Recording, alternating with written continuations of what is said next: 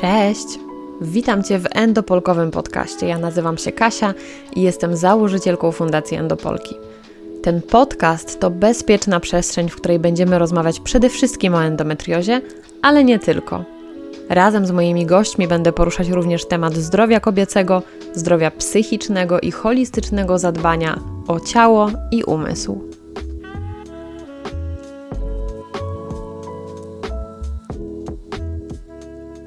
Dzień dobry. Witam wszystkie słuchaczki i wszystkich słuchaczy. Nie da się ukryć, że nastąpiła dość długa przerwa w publikacji odcinków, która wynikała z bardzo przyziemnego braku czasu. Całe szczęście mogę już dzisiaj ogłosić, że przyszłe odcinki będą publikowane bardziej regularnie, ponieważ nawiązałam właśnie współpracę z montażystą dźwięku, który będzie przede wszystkim dbał o jakość naszych rozmów, ale też dzięki jego pracy zyskam trochę więcej czasu na inne działania. W dzisiejszej rozmowie będziemy krążyć wokół tematu, który nie był jeszcze poruszony w ramach tego podcastu, a mianowicie pracy z emocjami w chorobie poprzez ciało. Do tego odcinka zaprosiłam Paulinę Danielak, psycholożkę, terapeutkę w nurcie akceptacji i zaangażowania, psychoterapeutkę poznawczo-behawioralną w trakcie specjalizacji, prowajderkę TRE, pasjonatkę psychosomatyki, ale też bardzo empatyczną, wrażliwą, i szalenie kompetentną kobietę. Cześć Paulina, Cześć. bardzo miło mi Ciebie widzieć i muszę przyznać, że w momencie, gdy się dzisiaj połączyłyśmy i tak sobie przez te niecałe trzy minuty porozmawiałyśmy, to przyszedł do mnie większy spokój. I dziękuję Ci za to. dziękuję, że wpadłaś do endopolkowego podcastu, bo bardzo chciałam poruszyć z Tobą temat, który uważam, że jest niezwykle ważny, właśnie w kontekście chorowania na endometriozę. No, to, to, to, też o czym mówisz, e, o tym spokoju, tutaj na kontakt, taka ko koregulacja, bycie, bycie w kontakcie i zaangażowanie społeczne, to też są bardzo ważne elementy samoregulacji, czy w ogóle regulacji, koregulacji, bycie w kontakcie z takim zaangażowanym, otwartym. E, no, też się znamy poza internetowo, więc też, wiesz, mamy wspomnienie, jak to jest być e, ze sobą, jak to jest być obok siebie, jak to się śmiać i cieszyć, więc to też fajnie koi układ nerwowy. Tak, myślę, że właśnie to tak jakoś zadziałało, że nie widziałyśmy się jakiś czas i pewnie jakaś tęsknota się pojawiła. Zobaczyłam Ciebie i od razu mi się przypomniało nasze ostatnie spotkanie. No i dobrze chyba zaczynamy tę rozmowę w takim razie. Takie mam przeczucie. Ja też podobnie, tutaj się koreguluję. Paulina, Twoim bazowym wykształceniem jest psychologia.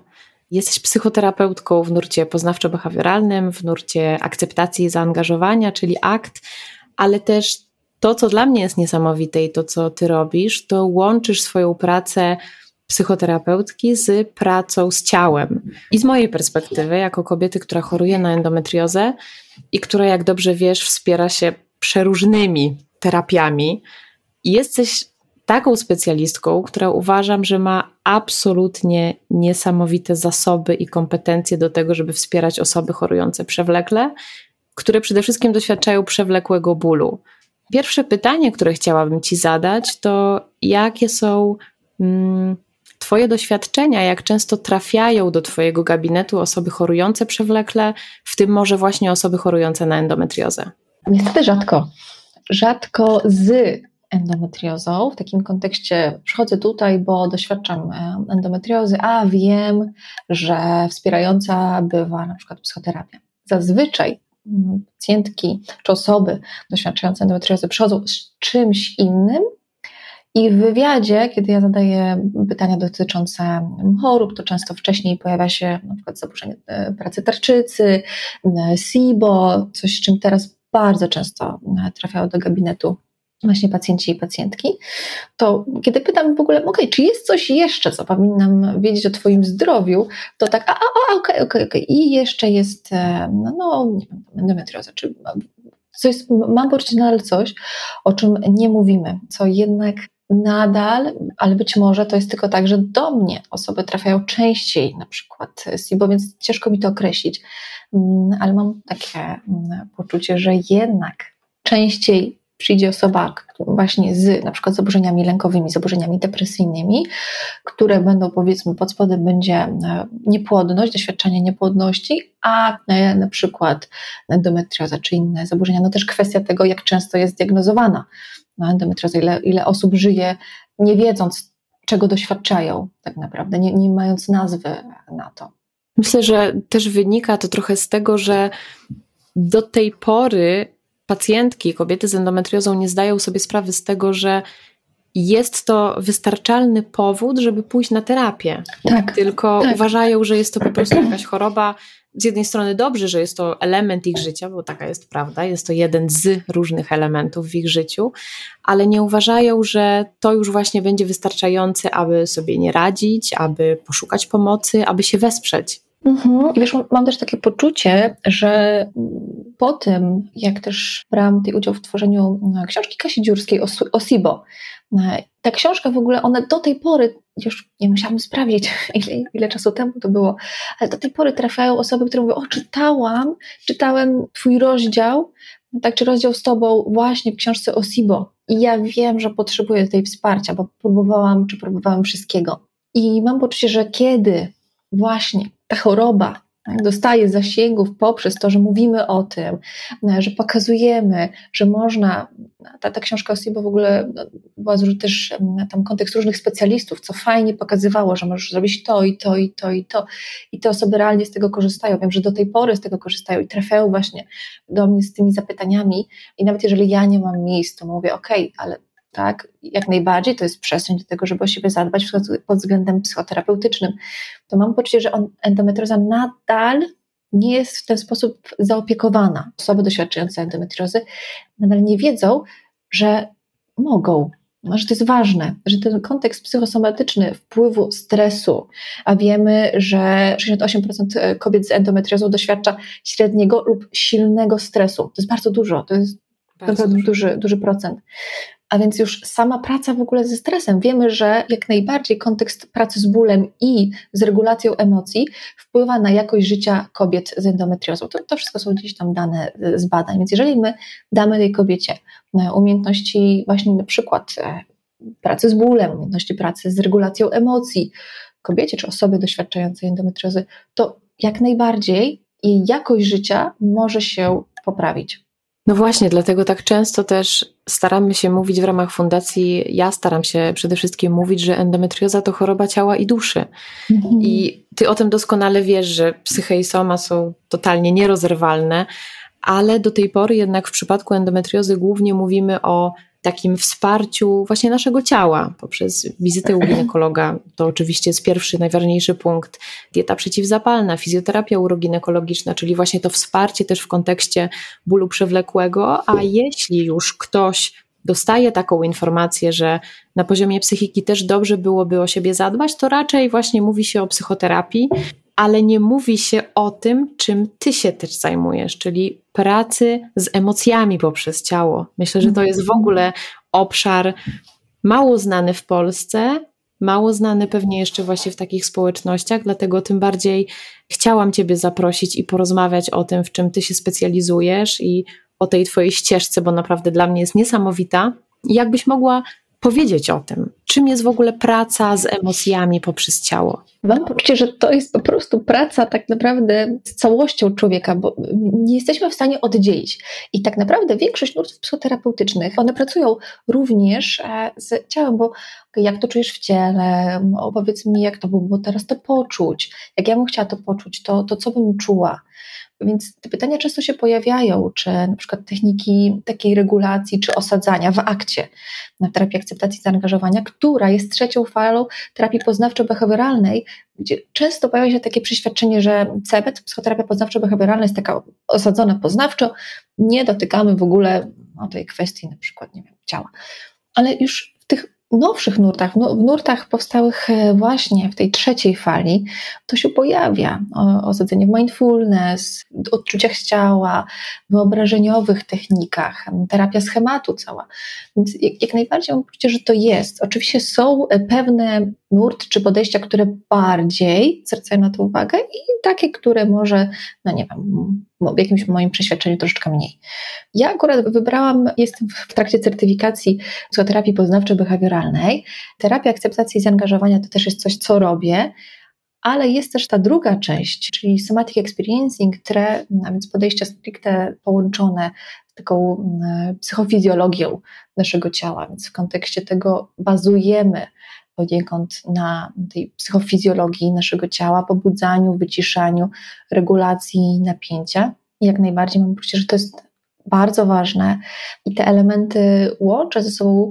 Ja nie uważam, że jest jakaś technika, która jest najlepsza że jakieś, jakieś podejście, które jest najlepsze i że to jest po prostu ja, nie wiem, tutaj, prawda, wiem więcej niż, niż wszyscy i to jest o, ale staram się poszukiwać elementów, które mogą być wspierające dla danego klienta czy danej klientki, bo też nie każdy, nie, nie, dla każdego będzie na przykład TRE, czyli Tension Releasing Exercises, nie dla każdego będzie Somatic Experience, nie dla każdego będzie CEBET, bo okej, okay, mamy też jakieś swoje, no nie wiem, tak, potrzeby, coś nam się podoba, coś nam się nie podoba, więc jak najbardziej nie uważam, że jest jeden nurt, który okej, okay, tak, tak trzeba, ja tak uznaję, ale to poszukiwanie tego, co może być dla mnie wspierające, mamy różne nurty, naprawdę każdy może coś dla siebie znaleźć w tej przestrzeni. Praca z ciałem uważam, że jest naprawdę wspierająca, bo wiemy, że kobiety czy osoby doświadczające endometriozy mają często też doświadczenie bólu, doświadczenie cierpienia. To ciało mm, też staje się takim obiektem pewnych emocji, a więc e, po diagnozie może się pojawić na przykład lęk, to co tam się dzieje, nie wiem, nienawiść w stosunku do tej części, powiedzmy, ciała, w której jest ulokowana endometrioza, lęk, co ze mną będzie, to kim ja teraz jestem. Często pojawiają się różne tutaj elementy. I o ile wiemy, że endometrioza jak najbardziej kobiety doświadczają tej stresu, osoby doświadczają stresu czy różnych innych elementów zaburzeń psychicznych, bo wiemy, że może towarzyszyć endometriozie na przykład depresja, zaburzenia lękowe i często tak jest, że te zaburzenia się wiążą ze sobą, no bo to po prostu wpływa na jakość naszego życia. Wokół tego są różne przeświadczenia, różne schematy się tworzą.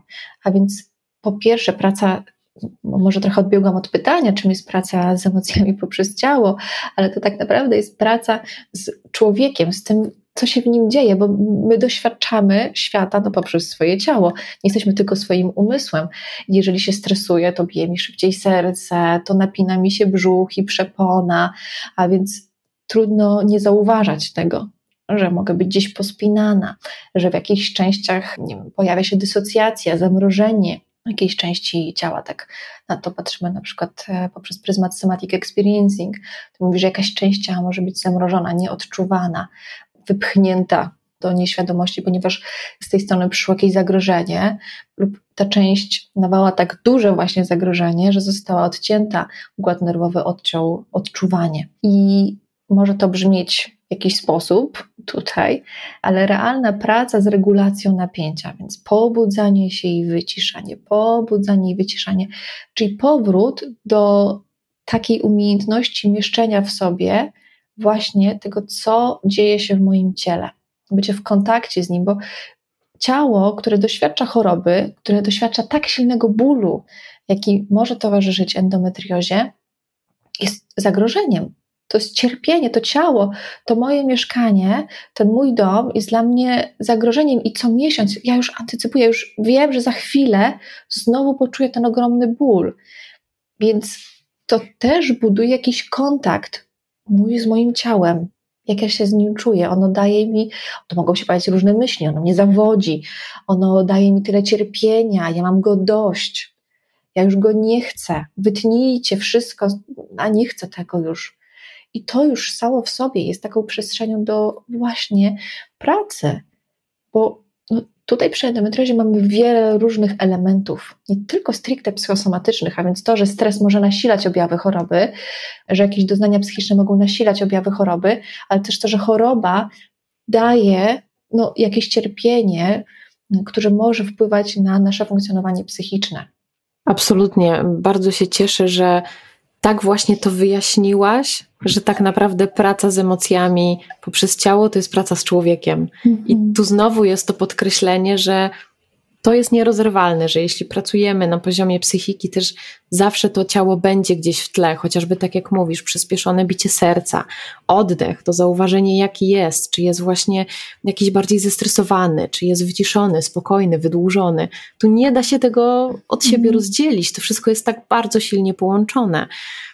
A choroba sama w sobie to jest tak ogromny i ciężki plecak, w mhm. którym jest właśnie cały wachlarz po prostu emocji. Jest ten lęk, o którym mówisz, i myślę, że to będzie taka główna i najtrudniejsza zresztą emocja, która towarzyszy, bo ona generuje ten cały poziom katastrofizacji, zapętlanie się tych wszystkich pytań, myśli, co ze mną będzie, czy jutro też mnie będzie boleć, czy będę w stanie pójść do pracy, czy będę kiedyś mamą. Ogrom tak naprawdę tych wszystkich pytań. Więc jakby też chciałabym, żeby słuchacze, słuchaczki sobie wyobrazili, jak duże obciążenie wiąże się z tym chorowaniem na endometriozę, tak naprawdę, jak duży to jest ładunek emocjonalny. I sama w sobie choroba już generuje ten stres, tak? Więc jeśli mówimy w ogóle o stresie, który ma tak duże też znaczenie w chorobach o podłożu zapalnym, bo tutaj też jest takie dosyć jasne połączenie, tak? A taką chorobą jest właśnie endometrioza, która mocno łączy się z tym szalejącym stanem zapalnym w organizmie, i ja zauważam też sama po sobie to połączenie. Ja widzę, co się dzieje ze mną i z moją chorobą, jak ona potrafi progresować w momencie, gdy ja doświadczam jakichś trudnych momentów w życiu. Nie mówię o jednej sytuacji takiej dziesięciominutowej w ciągu dnia, mówię o jakimś cyklu albo jakimś takim przewlekłym właśnie stresie. O tym też rozmawiałyśmy z Karoliną Karabin, właśnie ten przewlekły stres, który najwięcej szkody nam robi w endometriozie. I tutaj jest też moje pytanie, czy ty postrzegasz endometriozę jako chorobę psychosomatyczną? Pytanie, której choroby bym nie postrzegała jako psychosomatycznej? No tak, postrzegam ją jako chorobę psychosomatyczną. Są badania, które pokazują, jak duże jest to połączenie. Wiesz, sam fakt tego, to może nie jest stricte badanie dotyczące endometriozy, ale wzrost cytokin prozapalnych który dzieje się przy właśnie zapaleniach, ale takich mm, często działających w tle. Czyli nie to, że choruje jest, jest grypa, tak, jestem straszliwie chora, ale często takie mniejszym nasileniu, działające w tle zapalenia, to ten wzrost cytokin prozapalnych u osób, które tego doświadczają, może dawać objawy depresyjne, czy wręcz na przykład mogą pojawiać się, są takie badania dotyczące myśli e, samobójczych i wzrostu cytokin prozapalnych w organizmie. No więc a już samo to świadczy o tym, że okej, okay, jest coś takiego, że nasze ciało, doświadczenia, te, które mamy związane z chorobą, mogą dawać objawy właśnie takie psychologiczne, zaburzeń psychicznych, ale również wiemy, że stres, przewlekły stres, o którym mówisz, ale i doświadczenia na przykład z dzieciństwa, czy wręcz doświadczenia matki w czasie ciąży, które wpływają już na to, że dziecko rodzi się z wyższą pobudliwością osi podzgórze przysadka nadnercza, podzgórze przysadka jajniki czy gonady.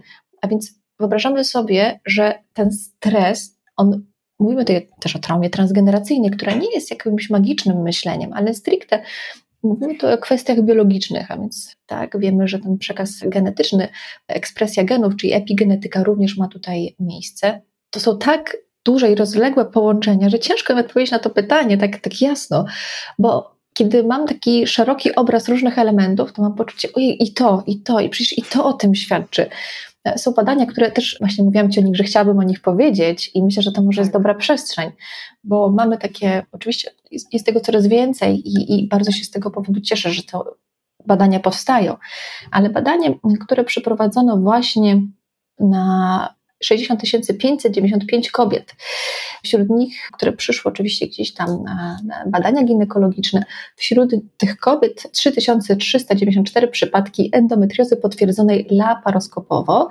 Wśród tych kobiet były prowadzone e, badania i w kontekście badań zauważono, że zarówno przemoc fizyczna, jak i przemoc seksualna jest związana która pojawiła się w dzieciństwie, jest związana z częstszym występowaniem endometriozy w porównaniu z osobami, które nigdy nie zgłaszały w wywiadach, w tym badaniu nadużyć.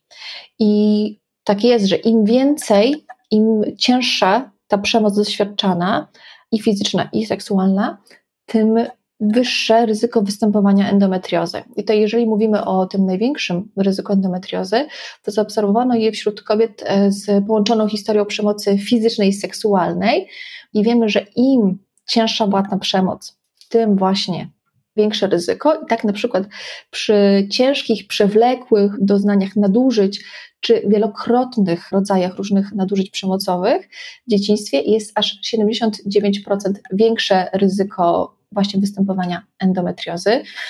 No, jest tutaj to połączenie, o którym mówimy. E, mówimy też o stresie, że ten stres się pojawia. Jest inne badanie też, w którym badano właśnie związek markerów neuroendokrynnych, markeru CA, CB5 i CA19-9 z dysfunkcjami seksualnymi, z psychospołecznymi objawami traumy i stresu i objawami dysocjacyjnymi u kobiet z endometriozą. I również zauważono tutaj połączenia, więc dysocjacja, trauma, markery nowotworowe i endometrioza. A więc coś tutaj jest na rzecz. No, coś, coś się pojawia. Nadal potrzebujemy większej ilości badań, nadal potrzebujemy rozwikływać te tajemnice naszego ciała, te tajemnice psychosomatyczne. Ale wiemy, że im więcej stresu, im więcej trudnych doświadczeń w historii, tym większe ryzyko powstania choroby. A więc tak, tak jest, że stres, który uaktywnia wszystkie tak naprawdę funkcje naszego ciała do walki, sprawia, że również w przewlekłym stadium prowadzi do różnych e, autoimmunologii, do wszelakich um, tych chorób, tak jak tutaj powiedzmy endometriozy, która jest chorobą autoimmunologiczną również, astmy, chorób jelitowych, SIBO, no tutaj PCOS, tarczyca, to wszystko jest gdzieś tam ze sobą mocno, mocno połączone. Mnie najbardziej zadziwia to, dlaczego tak mało o tym mówimy.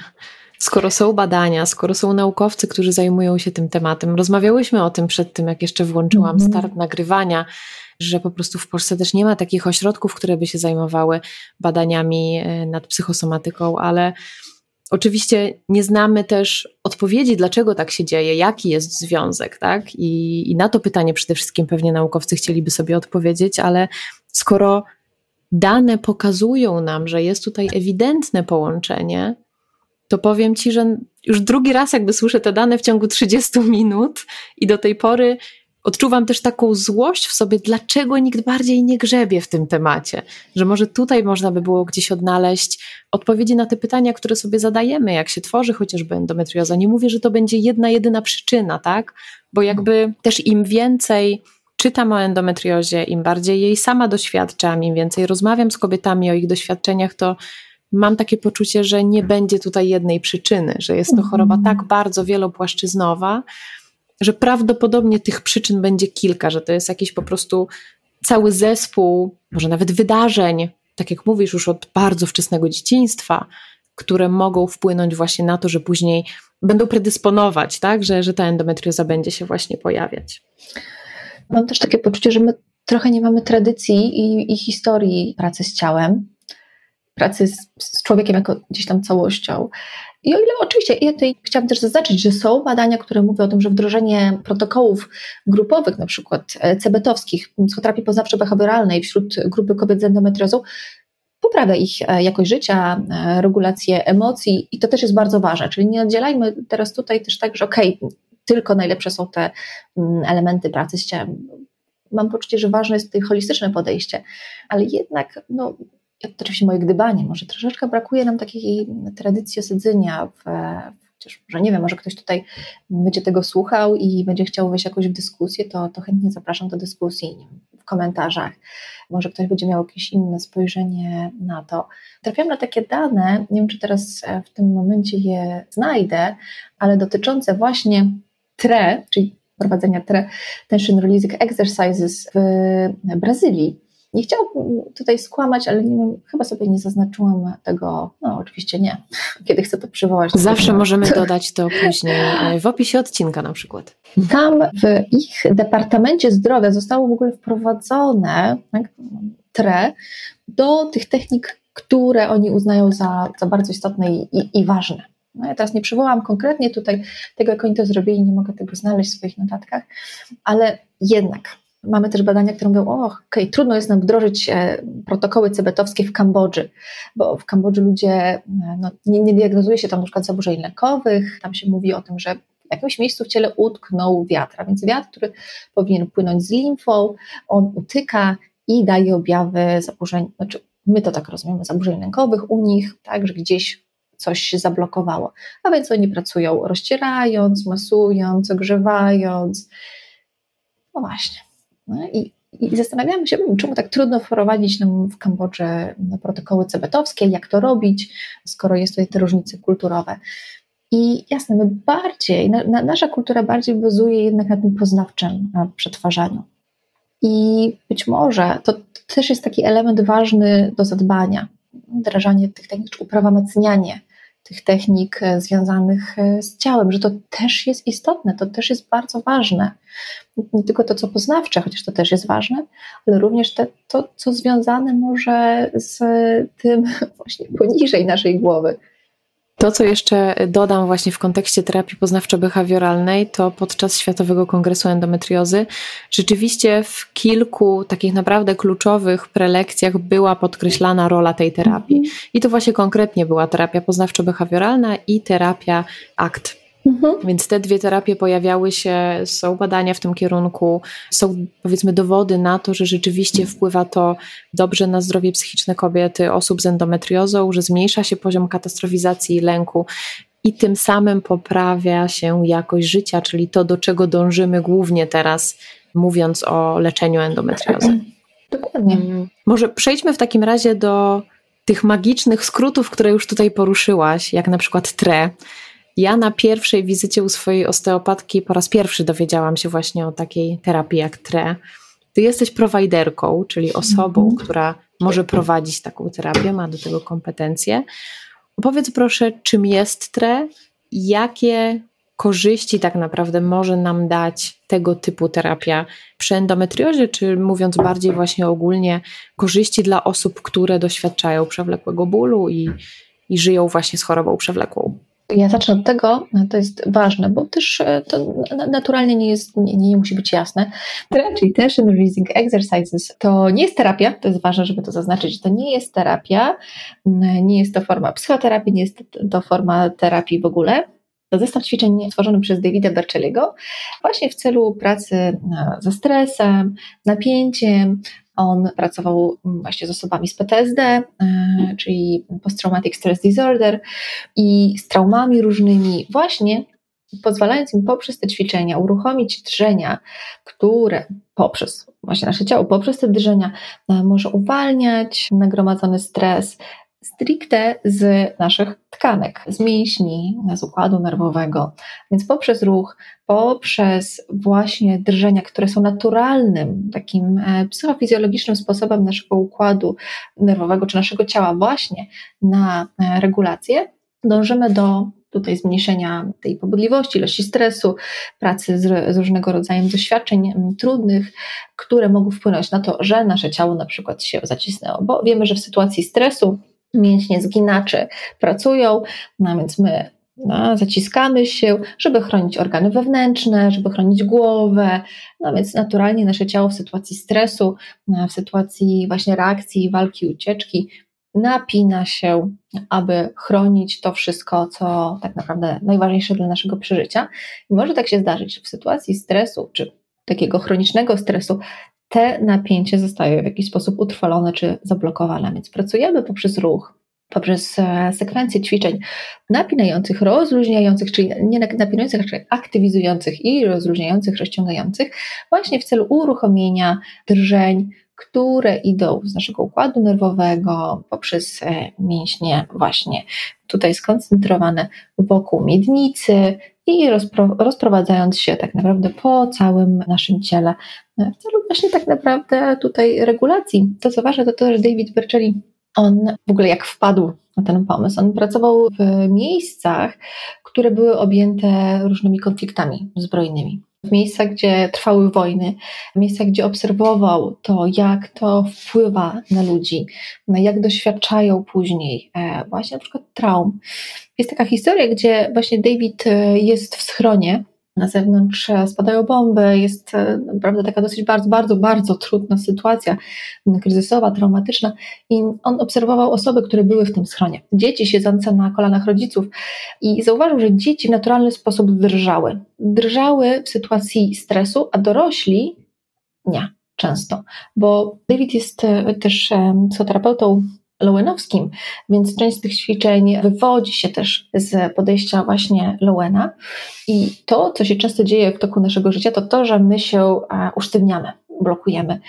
Wiążemy często drżenie, na przykład drżenie rąk z słabością, z, z lękiem, z czymś nieprzyjemnym, no nie powinno się pokazywać, że się boję, więc często jest to kojarzone z jakąś formą słabości, bo inni zobaczą, że się boję, bo inni zobaczą, że się stresuję, i tym samym blokujemy naturalną, bardzo ważną reakcję naszego organizmu na stres, która pomaga celowo nam się wyregulować, która pozwala nam właśnie przy tym stresie być. A więc no, mam poczucie, że to są takie ważne, ważne aspekty TRE, mm, Tension Releasing Exercises, które pozwalają nam właśnie pracować z doświadczeniami trudnymi, ale wiemy też, że na przykład tutaj, kiedy mówimy o endometriozie, to jest to sytuacja, w której jednak to napięcie, no, wyobrażam sobie, że przychodzi moment, e, tak, kiedy ten ból nasila się, napięcie, napięcie brzucha, napięcie przepony, e, spięcie tej mięśni w obrębie bioder, i to, co możemy robić, to właśnie przez to, że my aktywizujemy, szczególnie mięśnie w tym obszarze, możemy poprzez drżenia rozluźniać właśnie ten obszar, który szczególnie jest tutaj narażony no, na doświadczenie cierpienia, na mięsień biodrowo-lędźwiowy. To wszystko są bardzo istotne, istotne kwestie też w takiej pracy z bólem, bo tre jak najbardziej przy pracy z bólem jest wskazane. Więc w sytuacjach przewlekłego stresu, przy tych właśnie trudnych doświadczeniach, to wszystko będzie jak najbardziej tutaj bardzo wspierające. Nie jest terapią, może wspierać terapię, więc może wspierać proces terapeutyczny, jeżeli terapeuta czy terapeutka wyrazi zgodę, no to uzna, że to jest tak wspierające, bo też zaznaczmy, że TRE nie jest dla wszystkich na każdym etapie, e, są pewne przeciwwskazania. Jak najbardziej myślę, że Ważne jest, żeby skonsultować się po prostu z prowajderem, z, ze swoim terapeutą czy terapeutką, czy nie wiem, innym specjalistą, który da tutaj wsparcie w tym temacie. A czy można też samemu zacząć robić takie ćwiczenia? Bo wiem, że na YouTubie można oczywiście je znaleźć i ja przyznam szczerze, że rzadko kiedy próbuję takich technik sama, raczej właśnie udaje się do osoby, która prowadzi tego typu, no właśnie chciałam użyć słowa terapia, ale już wiem, że nie mogę, powiedzmy trening albo że po prostu Sesję. jest prowa- tak, sesję, o właśnie, to będzie chyba najlepsze słowo. I taka też była moja ścieżka. Ja po raz pierwszy właśnie spotkałam się, znaczy nawet nie tyle co spotkałam się, ale sprawdziłam na swoim ciele, co to znaczy wprowadzać je w drżenia podczas takiej sesji właśnie TRE z prowajderką, ale widziałam właśnie, że na YouTubie też się znajdują takie ćwiczenia i czy jest to dla nas bezpieczne? Myślę, że to też będzie ważna informacja dla słuchaczy, słuchaczek, bo może będą zainteresowani tym, żeby spróbować. Czy jest to bezpieczne, żeby wprowadzać nasze ciało w drżenia samemu, bez osoby, która by nad nami czuwała, jeśli będziemy to robić po raz pierwszy? Nie zalecam e, z tego względu, że są to mm, ćwiczenia, które naprawdę mogą też budzić pewne emocje, pewne doznania i mam doświadczenie tego, że często osoby, które przychodzą na przykład na pierwszą sesję i poznajemy ich układ nerwowy, sprawdzamy, jak ciało reaguje.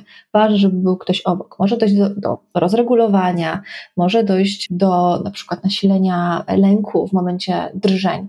Warto, żeby był ktoś, kto da wsparcie, kto pomoże ugruntować się, bo zaczynając, często ludzie nie mają świadomości, jak wpływ na przykład ich dzieciństwa, ich doświadczeń może mieć na, na ciało, czy na to, jak funkcjonują. I ja mogę rozpocząć drżenia. Często też ludzie robią zbyt długo, zbyt często. Myślą sobie, że okej, okay, im więcej, tym lepiej.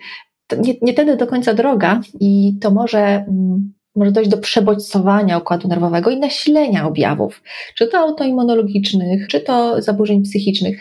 Wiemy o tym, że na przykład mindfulness, które jest oczywiście wspaniałym narzędziem, może również nasilać e, objawy zaburzeń psychicznych, jeżeli nie jest prowadzone z należytą, e, tutaj oczywiście uważnością na to, do czego może doprowadzić taki kontakt z emocjami. Bo jeżeli ja jestem w dysocjacji, w odcięciu, to ja jestem w tej dysocjacji po coś. Nie chodzi o to, że teraz kładź się, ja ściągnę wszystkie mechanizmy obronne i tutaj nie, tak uwalniam od wszystkiego. W takim momentach może dochodzić do retraumatyzacji. Często tutaj osoby, które nie są e, specjalistami w danym temacie, ale poniekąd parają się, tak, powiedzmy, taką, no nie wiem, pracą z ciałem, ale bez ugruntowania mogą doprowadzić do retraumatyzacji, a więc ponownego doświadczenia traumy i nasilenia objawów. Dlaczego? Bo pacjent, który jest w dysocjacji, czy pacjentka, która jest w dysocjacji, ona jest w tej dysocjacji po coś nie chcemy przekraczać na nowo granic tego ciała, tylko powoli pokazywać, że jest już bezpiecznie, że można powoli się uregulować, że można się osadzać, że to ciało jest też domem, w którym jest bezpiecznie, w którym nie jest tylko doznawane cierpienie, ale tam są również też i inne doznania, które mogą być po prostu w innej jakości. Więc jeżeli ja położę się i zacznę robić to sama, zrobię, nie wiem, będę robić tego dużo, też skontaktuję się z czymś, co będzie trudne, to ja no, będę w samotności z tym. A często doświadczamy traumy w momentach właśnie, kiedy nie było odpowiedniego wsparcia. Czy były osoby, ale nie było, ja byłam tam samotna tym miejscu. Nikt nie przyszedł mi z pomocą, nie przyszedł z pomocą na czas, to nie była odpowiednia pomoc, nie dostałam wsparcia, to nie był kompetentny opiekun, kompetentny ratownik, który dał mi wsparcie. A więc ja mogę dojść do momentu, gdzie znowu się w jakiś sposób e, retraumatyzuję i będę w tym sama, bo zrobiłam to sama w domu z zamkniętymi drzwiami.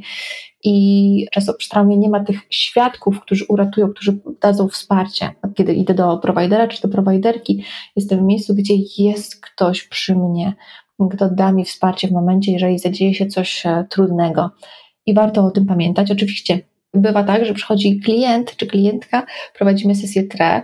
No, jeżeli to jest ok, to pacjent może sobie jak najbardziej, no, przepraszam, no, w TRE nie mówimy o pacjencie, mówimy o kliencie czy klientce, wykonywać ćwiczenia samodzielnie, bo o to chodzi. W TRE my chcemy dążyć do tego, że klient może sobie brać te ćwiczenia. One są proste, one są dostępne dla każdego, są naprawdę w takim kontekście łatwe do zapamiętania, więc ja mogę sobie później docelowo robić to w domu. I o, I o to chodziło tak naprawdę Davidowi, żeby to była taka technika, która jest prosta do nauczenia i którą mogą wykonywać tak naprawdę wszyscy.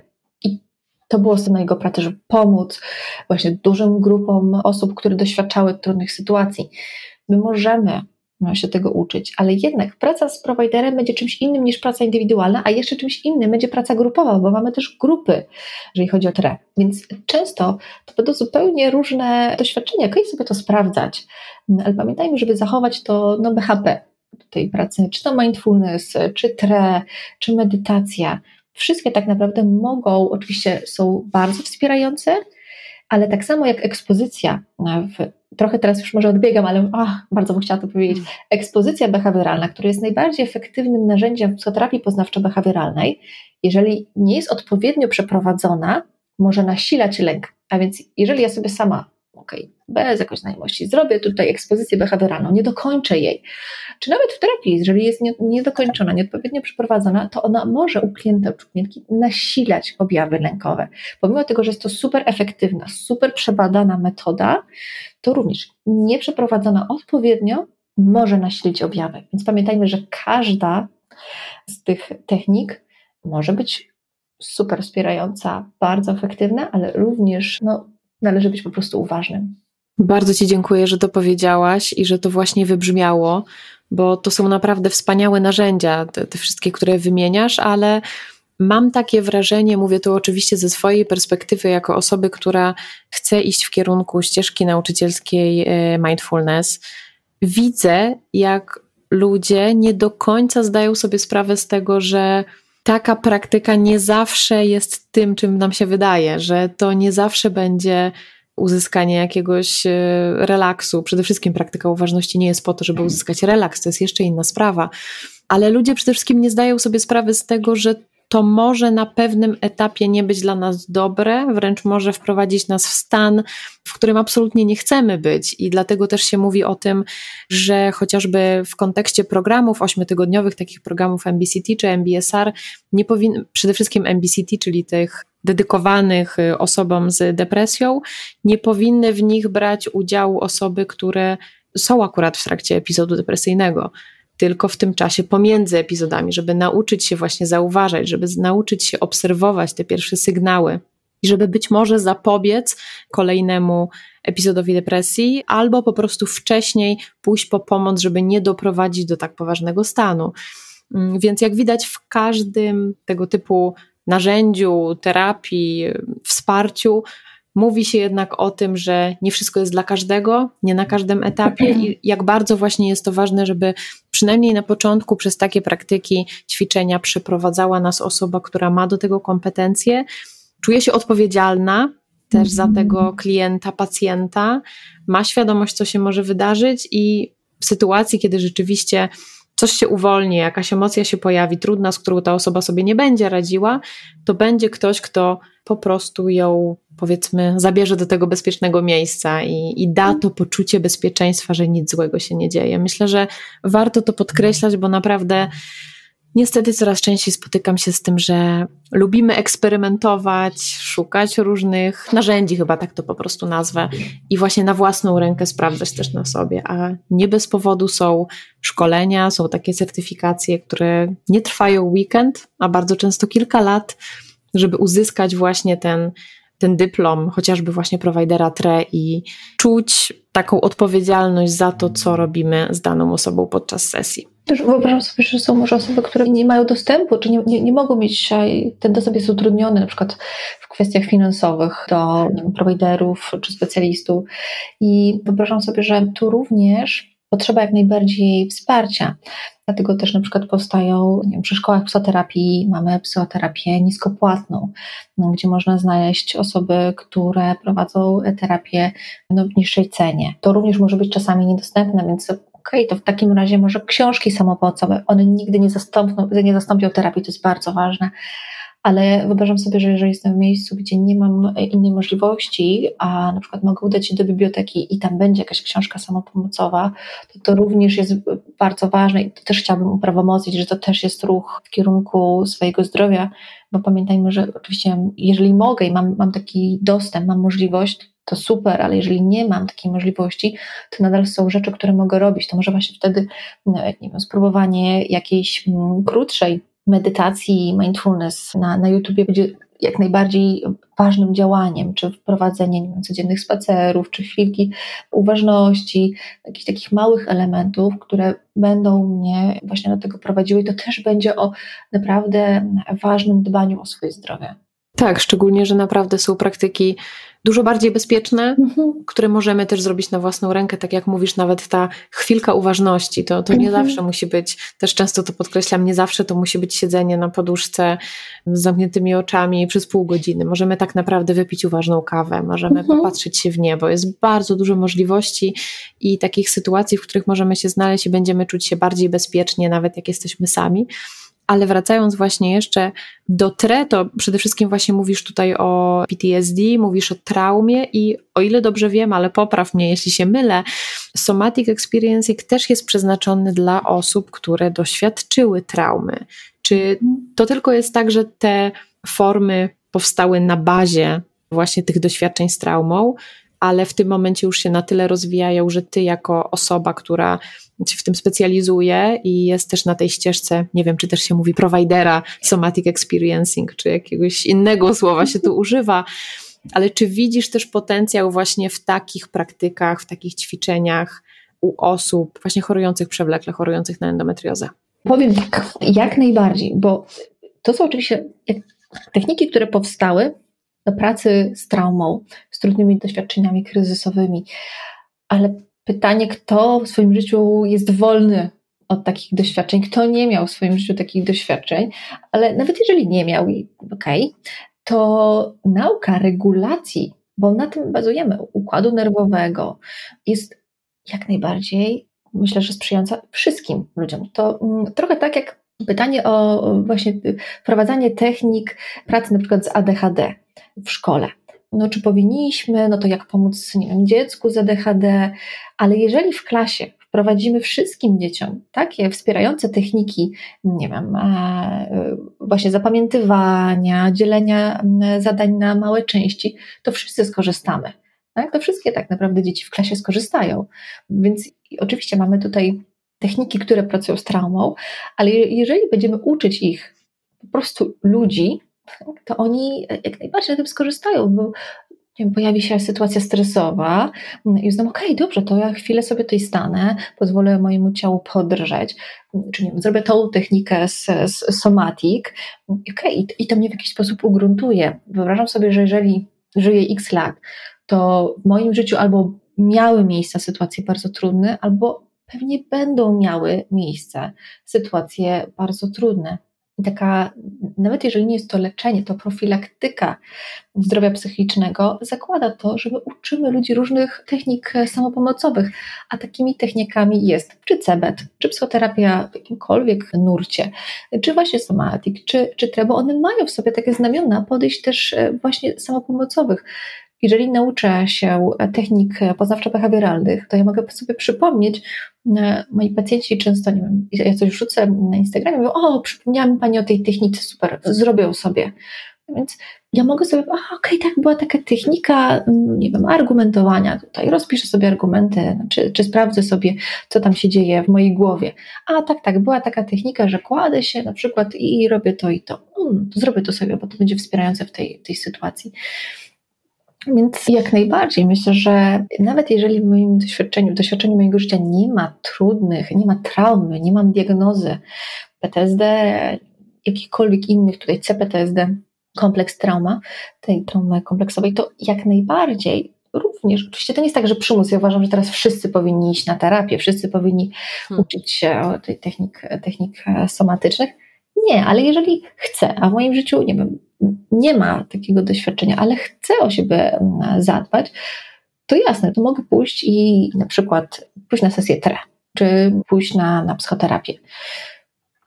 To jak najbardziej jest y, dostępne, bo są techniki też rozwojowe po prostu.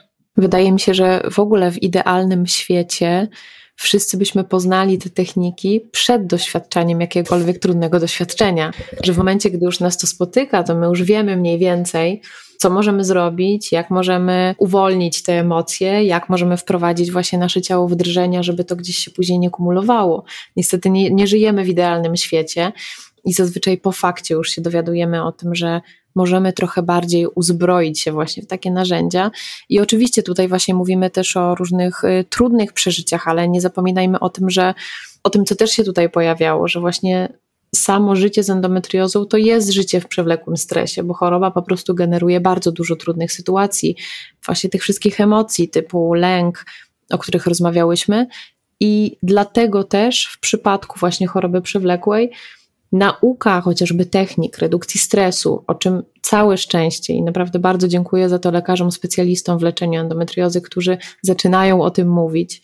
Nie mówią już, wiesz, takich rad, które kiedyś się słyszało, proszę się nie stresować, mhm. albo nie wiem, proszę coś zmienić, żeby mniej tego stresu w życiu było, no bo to oczywiście nie jest realne i wszyscy sobie zdajemy z tego sprawę, że jednak żyjemy w takich czasach, że bardzo trudno jest żyć bezstresowo i w zasadzie nie o to chodzi, żebyśmy teraz wszyscy się wyprowadzili w Bieszczady, uprawiali swój ogródek i sobie tam żyli spokojnie i żeby była sielanka, tylko raczej sęk w tym, żebyśmy właśnie poznali te techniki regulowania emocji, redukcji stresu i dzięki temu będzie nam łatwiej, nawet jeśli mamy takie obciążenia właśnie jak choroby przewlekłe, z którymi powiedzmy z defaultu nie żyje się prosto.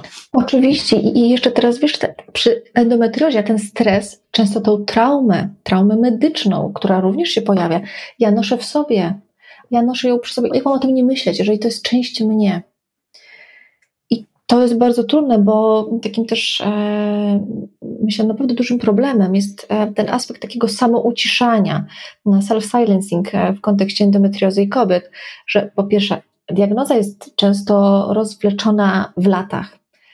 Więc już ta nastolatka uczy się, ok, że no nie wiem, przesadza, no że jak to, no to weź e, ibuprom. No wiemy, że ibuprom przy tak silnym bólu, no No, czas jest pozostawiony, okej, okay, to, to nie idź do szkoły, no to poleż sobie. I to ciało jest właśnie doznaniem traumy. Jestem sama, leżę w pokoju, wszystko mnie boli. Nie wiem, czy to, jest, czy to jest normalne, może to jest normalne, może tak to wygląda, dlaczego nie mogę wstać. Kobiety mają tendencję do samopoświęcania, czy osoby właśnie te identyfikujące się, kobiety mają tendencję do samopoświęcania, do takiego samouciszania się. Okej, okay, no bo przecież mnie boli, ale muszę zrobić obiad, ale muszę odebrać dzieci, ale muszę iść do szkoły, ale muszę iść do pracy. No, a przecież no to jest tylko okres. No przecież mhm. ludzie na to nie umierają. Ale to jest, to jest właśnie, jesteśmy w cały czas w schemacie tego, self-silencing, samouciszania się, które prowadzi, to oczywiście nie robią tego kobiety same sobie, to robi nam cały system, ale to doświadczenie nasila objawy depresyjne, nasila objawy lękowe, nasila objawy zaburzeń w ogóle psychicznych, bo ja tutaj odczuwam ogromny ból, ogromny, a z drugiej strony staram się funkcjonować normalnie. Zakładam maskę funkcjonowania normalnie. Zastanawiam się, ile osób nam byłoby w stanie, tak, gdybyśmy pokazały im, jak wygląda ból związany z endometriozą, funkcjonować w pracy, być aktywną mamą, partnerką, nie wiem, uprawiać seks, uprawiać sport i robić to wszystko i wiesz, a jednocześnie w tle doświadczasz tak silnych bodźców bólowych i wiesz, to już samo w sobie może być doznaniem po prostu traumatycznym, doznaniem związanym z ogromnym kryzysem. I czy, nie wiem, tak, wszystkie operacje, które mają miejsce, trauma medyczna, która może się tutaj z tym łączyć, trzeba o tym mówić głośno i trzeba to uprawomacniać. To wszystko ma takie znamiona, właśnie może mieć znamiona traumatyczne. Myślę, że często nie dajemy właśnie tego uprawomocnienia temu, co się u nas dzieje, bo myślimy sobie, że jeśli trauma, to naprawdę musi być jakieś jedno z najtrudniejszych doświadczeń, o których w ogóle świat słyszał. A jeśli to jest tylko okres, jeśli to jest tylko jakaś choroba przewlekła, to no to właśnie, trzeba się wziąć w garść, ugotować obiad, zrobić zakupy, odebrać dzieci ze szkoły i zawieźć je jeszcze na pięć różnych zajęć dodatkowych. I w tym mhm. wszystkim jeszcze się uśmiechać i czuć się dobrze, i tak jak mówisz, właśnie być aktywna zawodowo, sportowo, seksualnie, partnersko, w każdej możliwej sferze. Więc mam nadzieję, że ta rozmowa też przede wszystkim daje takie uprawomocnienie i myślę, że w każdej rozmowie tak naprawdę o endometriozie można to, to znaleźć i staram się tak też prowadzić te rozmowy i takie tematy dobierać, żeby każda słuchaczka, każdy słuchacz też, bo, bo wiem, że partnerzy też słuchają tych rozmów, zdawali sobie sprawę, z czym tak naprawdę się wiąże właśnie to z życiem z endometriozą. Więc przede wszystkim dziękuję Ci za to, Paulina, za Twoją wrażliwość i za to, jak ciepło i z takim zrozumieniem właśnie mówisz o tym, że to wszystko, co się dzieje, jest ważne i warto też się tym zaopiekować, że nie musi tak to życie wyglądać, bo też mam wrażenie, że część kobiet, pewnie duża część, myśli, że po prostu tak ich życie będzie wyglądało. A to, że gdzieś tam, wiesz, pobocznie porozmawiałyśmy o technikach, które mogą nas wesprzeć, to też jest oczywiście bardzo cenne i, i mam nadzieję, że też otwiera trochę właśnie głowę jeszcze bardziej na to takie holistyczne spojrzenie na endometriozę, że też endometrioza to nie tylko wizyta ginekologiczna, hormony, operacja, ale również możemy na własną rękę z pomocą e, z innych specjalistów naprawdę bardzo fajnie i skutecznie się wesprzeć. Więc bardzo Ci dziękuję za dzisiejszą bardzo rozmowę. Dziękuję. Dziękuję tutaj słuchaczom, słuchaczkom, którzy będą tutaj z nami. Mam nadzieję, że jeszcze kiedyś się usłyszymy, jeszcze będziemy miały okazję porozmawiać, a może może coś jeszcze wymyślimy ciekawego dla Endopolu. Dokładnie. Jak pojawiają się jakieś pytania, to zachęcamy do zadawania. To może też że będzie dawało nam inspirację do, do rozmów wspólnych. Jak najbardziej. Jeszcze raz dziękuję i życzę Wam słonecznego dnia. Dzięki. Jest mi bardzo miło, że zechciałaś, zechciałeś spędzić swój czas słuchając tego odcinka. Jeśli treści przekazywane w tym podcaście są dla Ciebie ważne, zachęcam do przestrzeni Patronite, gdzie możesz wesprzeć Fundację Endopolki. A jeśli o wsparciu mowa, to z tego miejsca chciałabym ogromnie podziękować patronkom i patronom fundacji, dzięki którym powstał ten podcast. Mam nadzieję, że czujecie się jego częścią. Do usłyszenia za tydzień.